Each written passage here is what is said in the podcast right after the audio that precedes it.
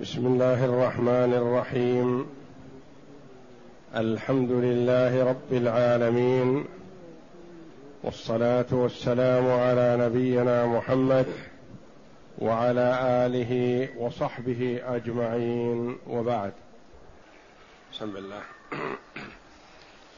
أعوذ بالله من الشيطان الرجيم. ويسقون فيها كأسا كان مزاجها زنجبيلا. عينا فيها تسمى سلسبيلا. ويطوف عليهم ولدان مخلدون. إذا رأيتهم حسبتهم لؤلؤا منثورا. وإذا رأيت ثم رأيت نعيما وملكا كبيرا. حسبك. هذه الآيات الكريمة من سورة هل أتى على الإنسان؟ جاءت بعد قوله جل وعلا متكئين على الأرائك لا يرون فيها شمسا ولا زمهريرا.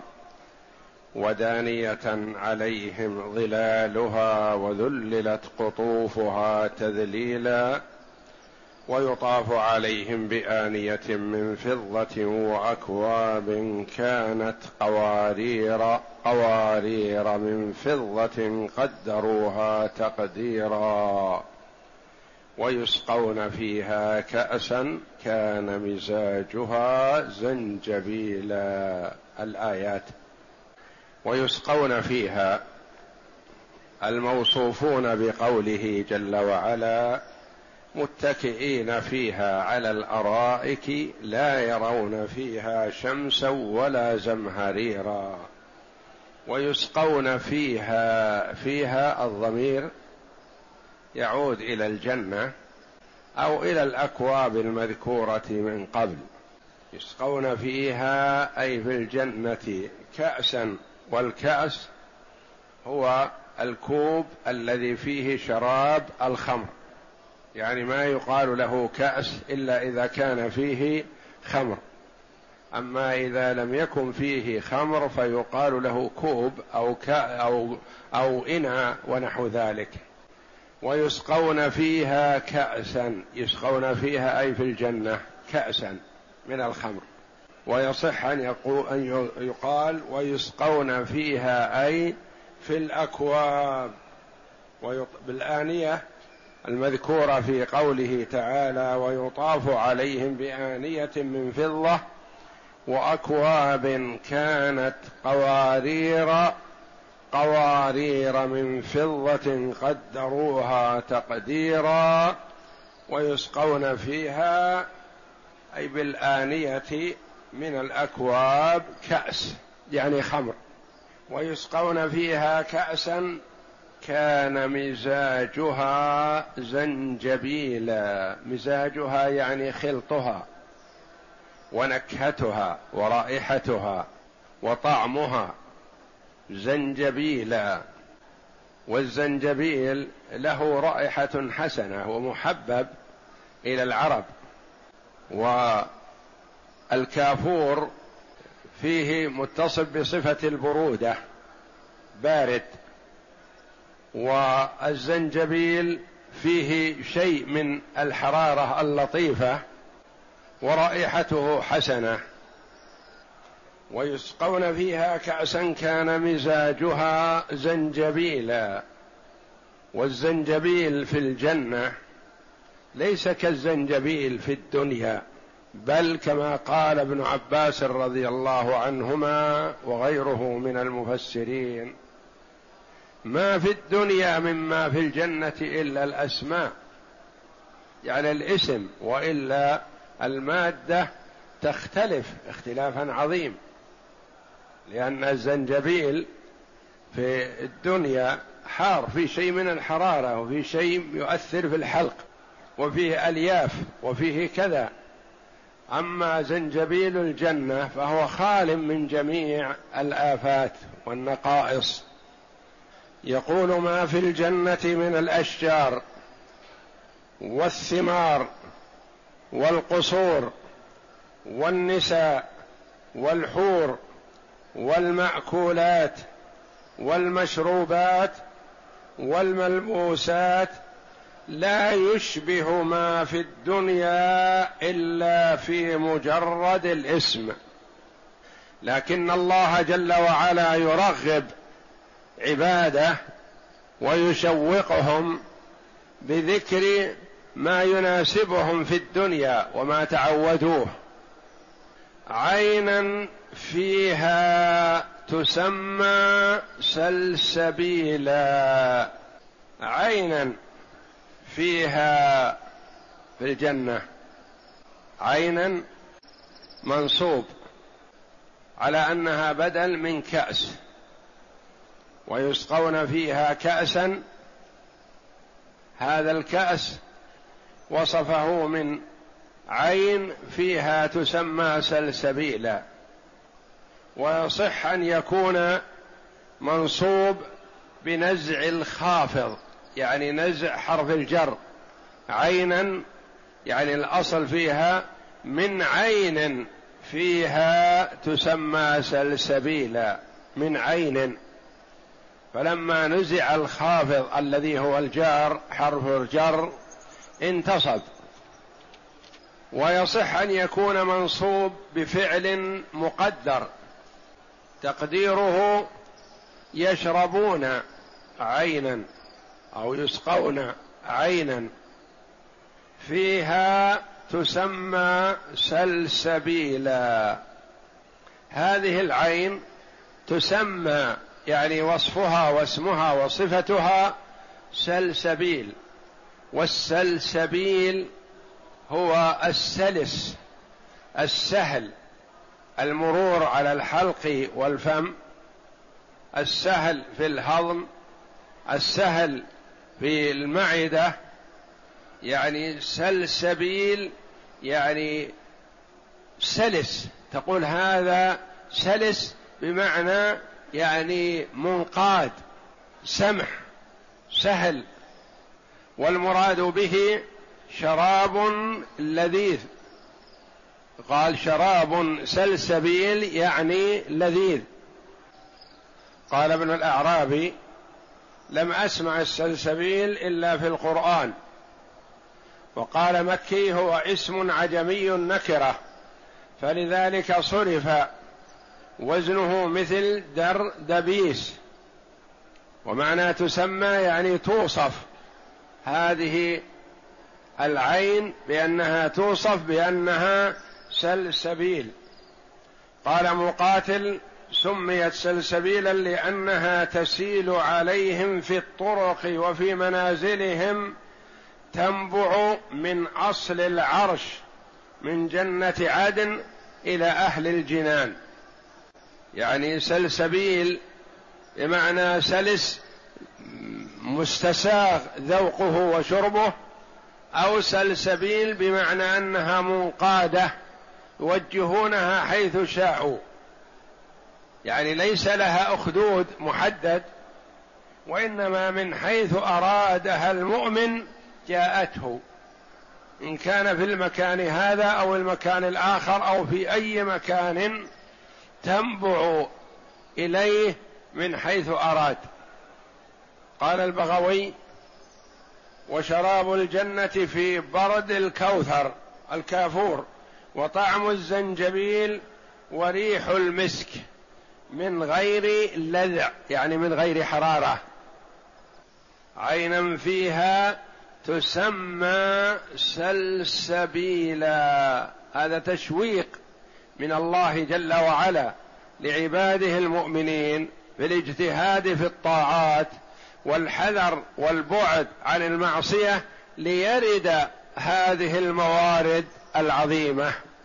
يقول تعالى ويسقون فيها كأسا كان مزاجها زنجبيلا. أي ويسقون يعني الأبرار أيضا في هذه الأكواب كأسا أي خمرا كان مزاجها زنجبيلا. تارة يمزج لهم الشراب بالكافور وهو بارد وتارة بالزنجبيل وهو حار ليعتدل الأمر. وهؤلاء يمزج لهم من هذا تارة ومن هذا تارة. وأما المقربون فإنهم يشربون من كل منها صرفا كما قال قتادة وغير واحد وقد تقدم قوله جل وعلا عينا يشرب بها عباد الله. وقالها هنا عينا فيها تسمى سلسبيلا. أي الزنجبيل عين في الجنة تسمى سلسبيلا؟ قال عكرمة اسم عين في الجنة. وقال مجاهد سميت بذلك لسلاسة مسيلها وحدة جريها. وقال قتادة عينا فيها تسمى سلسبيلا. عينا سلسة مستقيد ماؤها. وحكى ابن جرير عن بعضهم أنها سميت بذلك لسلاستها في الخلق واختاره وأنها تعم ذلك كله. ويطوف عليهم ولدان مخلدون إذا رأيتهم حسبتهم لؤلؤا منثورا.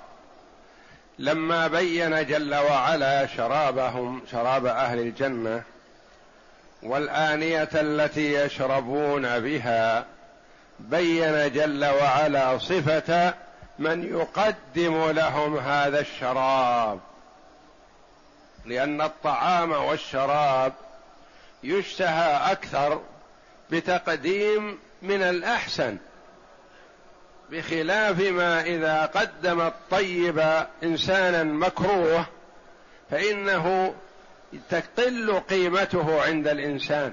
يعني كأس يشربه ممن يوده ويحبه ويرتاح له يتلذذ به أكثر من أن يقدمه له إنسان إنسان يكرهه.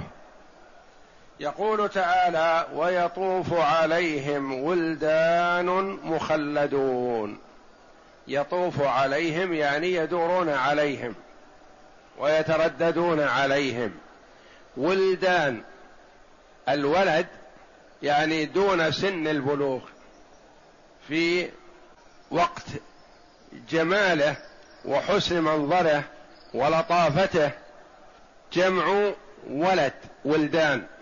مخلدون قيل مخلدون يعني لا يموتون. وقيل مخلدون يعني على هذه الصفة ما يكبرون. وقيل مخلدون بمعنى محلون يعني عليهم حلية ولا منافاة بينها. فيكون مخلدون لا يموتون لأن ما في الجنة لا يبلى ولا يموت. مخلدون يعني مستمرون على هذه الصفة وعلى هذه الحال لا يهرمون ولا يكبرون. مخلدون بمعنى محلون هم بلا حلية فيهم الجمال ويحلون زيادة على ذلك. ولدان مخلدون إذا رأيتهم حسبتهم لؤلؤا منثورا. من هؤلاء؟ الأولاد الولدان المخلدون. قيل هم أولاد المؤمنين. الأولاد الذين ماتوا صغارا يكونوا في الجنة في خدمة أهليهم. هذا قول ضعيف. وقيل المراد ولدان خلقهم الله جل وعلا في الجنة لخدمة المؤمنين. مثل الحور العين. يعني خلقوا هكذا ولم يكونوا عن ولادة. وقيل هؤلاء الولدان هم من أولاد الكفار الذين ماتوا صغارا. علم الله جل وعلا أنهم يؤمنون لو كبروا فيكونون خدما للمؤمنين في الجنة. وقال كما أنهم لو كانوا أحياء في الدنيا فهم ممكن أن يكونوا خدما للمؤمنين يسبون. أولاد الكفار يسبون في الدنيا فيكونوا خدما للمؤمنين. فإذا ماتوا صغارا جعلهم الله جل وعلا خدما للمؤمنين في الجنة. وقال بعض المفسرين رحمهم الله لا أقول كذا ولا كذا ولا كذا وإنما أقول الله أعلم بحالهم لأنه لم يرد في القرآن ولا في السنة الصحيحة بيان لحالهم ما هي نشأتهم هل خلقوا في الجنة هكذا أم أنهم من أولاد المؤمنين أم من أولاد الكفار. والأقرب والله أعلم أنهم ليسوا من أولاد المؤمنين لأن أولاد المؤمنين معهم في الجنة ولا يكونوا خدما لأهليهم كما قال الله جل وعلا والذين آمنوا واتبعتهم ذريتهم بإيمان ألحقنا بهم ذريتهم فالله جل وعلا يلحق الأولاد بالآباء لتقر أعين الآباء. ويطوف عليهم ولدان مخلدون إذا رأيتهم حسبتهم لؤلؤا منثورا.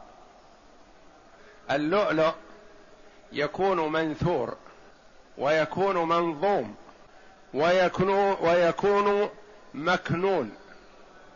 فوصف الله جل وعلا نساء أهل الجنة باللؤلؤ المكنون. ووصف الولدان بأنهم باللؤلؤ المك المنثور ولكل وصفه يناسبه فالمنثور المبثوث على البسط وهو في جماله أكثر من لو كان منظوم مرصوص بعضه على بعض ولأن هؤلاء مهيئوا للخدمة والذهاب والمجيء والحركة فالمنثور أقرب وصف لهم ولما كانت النساء الحور العين ما هيئت للخدمة وإنما هيئت للاستمتاع والفرش. ناسب وصفها بالمكنون دون المنثور ودون المنظوم. مكنون يعني محفوظ مغطى ليس مبتذل. بخلاف الولدان هؤلاء فهم للخدمة فهم مثل اللؤلؤ المنثور والنثر سرعة الحركة وعدم آه، الثقل في المكان يعني أنه يتحرك سريع فهو مطلوب للخدمة فناسب وصفه بهذه الصفة لجمالهم وحسن منظرهم وبشاشتهم وحسن رونقهم وغير ذلك من صفاتهم التي لا يتصورها المرء في الدنيا. إذا رأيتهم والخطاب للنبي صلى الله عليه وسلم أو لكل من تتأتى منه الرؤية إذا دخل الجنة. لكل مؤمن دخل الجنة. يعني إذا رأيتهم أو إذا رآهم المؤمن حسبهم وظنهم لؤلؤ منثور.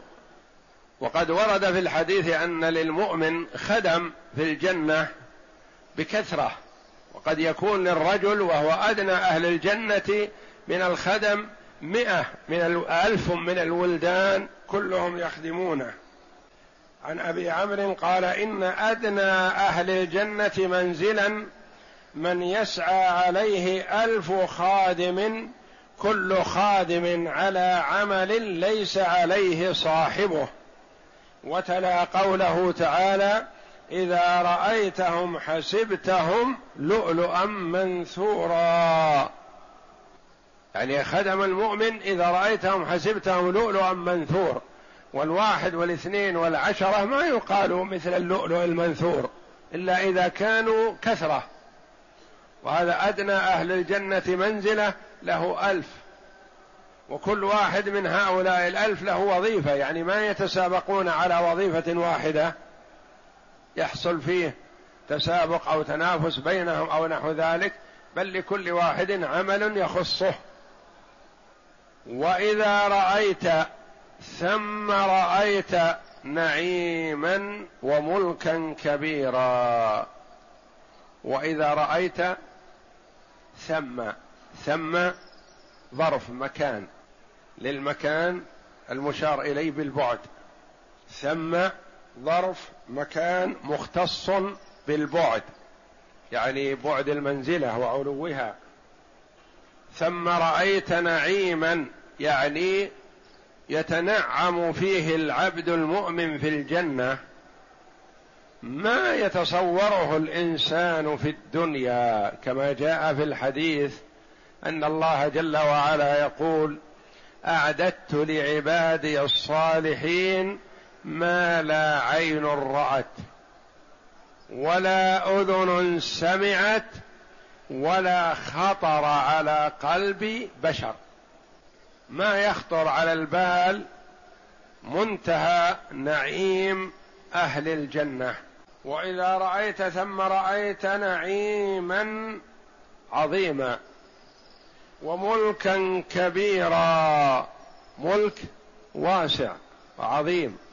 وقد جاء في الحديث الصحيح أن آخر من يخرج من الجنة يخرج, من النار وآخر من يدخل الجنة يكون له ملك الدنيا وبعشرة أضعافه.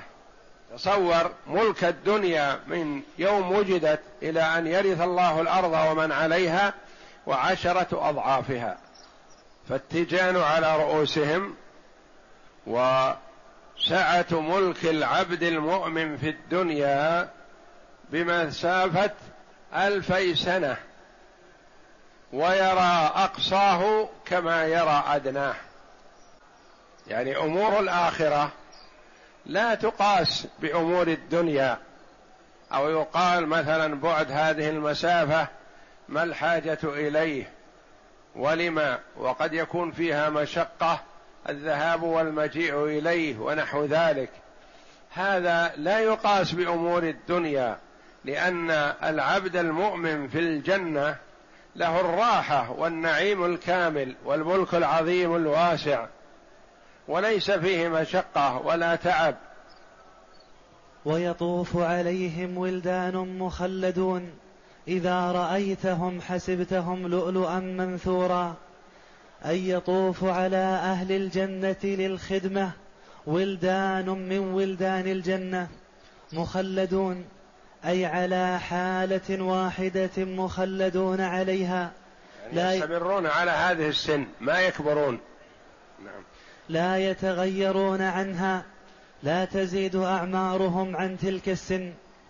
ومن فسرهم بأنهم مخرصون في آذانهم الأقرطة فإنما عبر عن المعنى بذلك.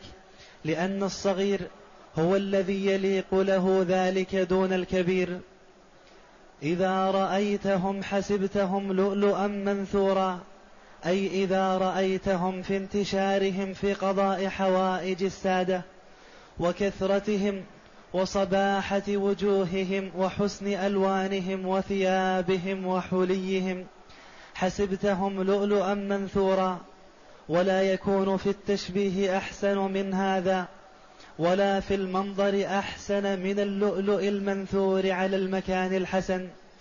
قال قتادة عن أبي أيوب عن عبد الله بن عمرو ما من أهل الجنة من أحد إلا يسعى عليه ألف خادم كل خادم على عمل ما عليه صاحبه. وإذا رأيتهم أي وإذا رأيت يا محمد ثم أي هناك يعني في الجنة ونعيمها وسعتها وارتفاعها وما فيها من السرور. رأيت نعيما وملكا كبيرا. أي مملكة لله هناك عظيمة وسلطانا باهر. وثبت في الصحيح أن الله تعالى يقول لآخر أهل النار خروجا منها وآخر أهل الجنة دخولا إليها. إن لك مثل الدنيا وعشرة أمثالها. وروي عن ابن عمر قال قال رسول الله صلى الله عليه وسلم إن أدنى أهل الجنة منزله لمن ينظر في ملكه مسيرة ألفي سنة ينظر إلى أقصاه كما ينظر إلى أدناه. فإذا كان هذا عطاؤه تعالى لأدنى من يكون في الجنة. فما ظنك بمن هو أعلى منزلة وأحظى عنده تعالى؟ والله أعلم وصلى الله وسلم وبارك على عبده ورسول نبينا محمد وعلى آله وصحبه أجمعين.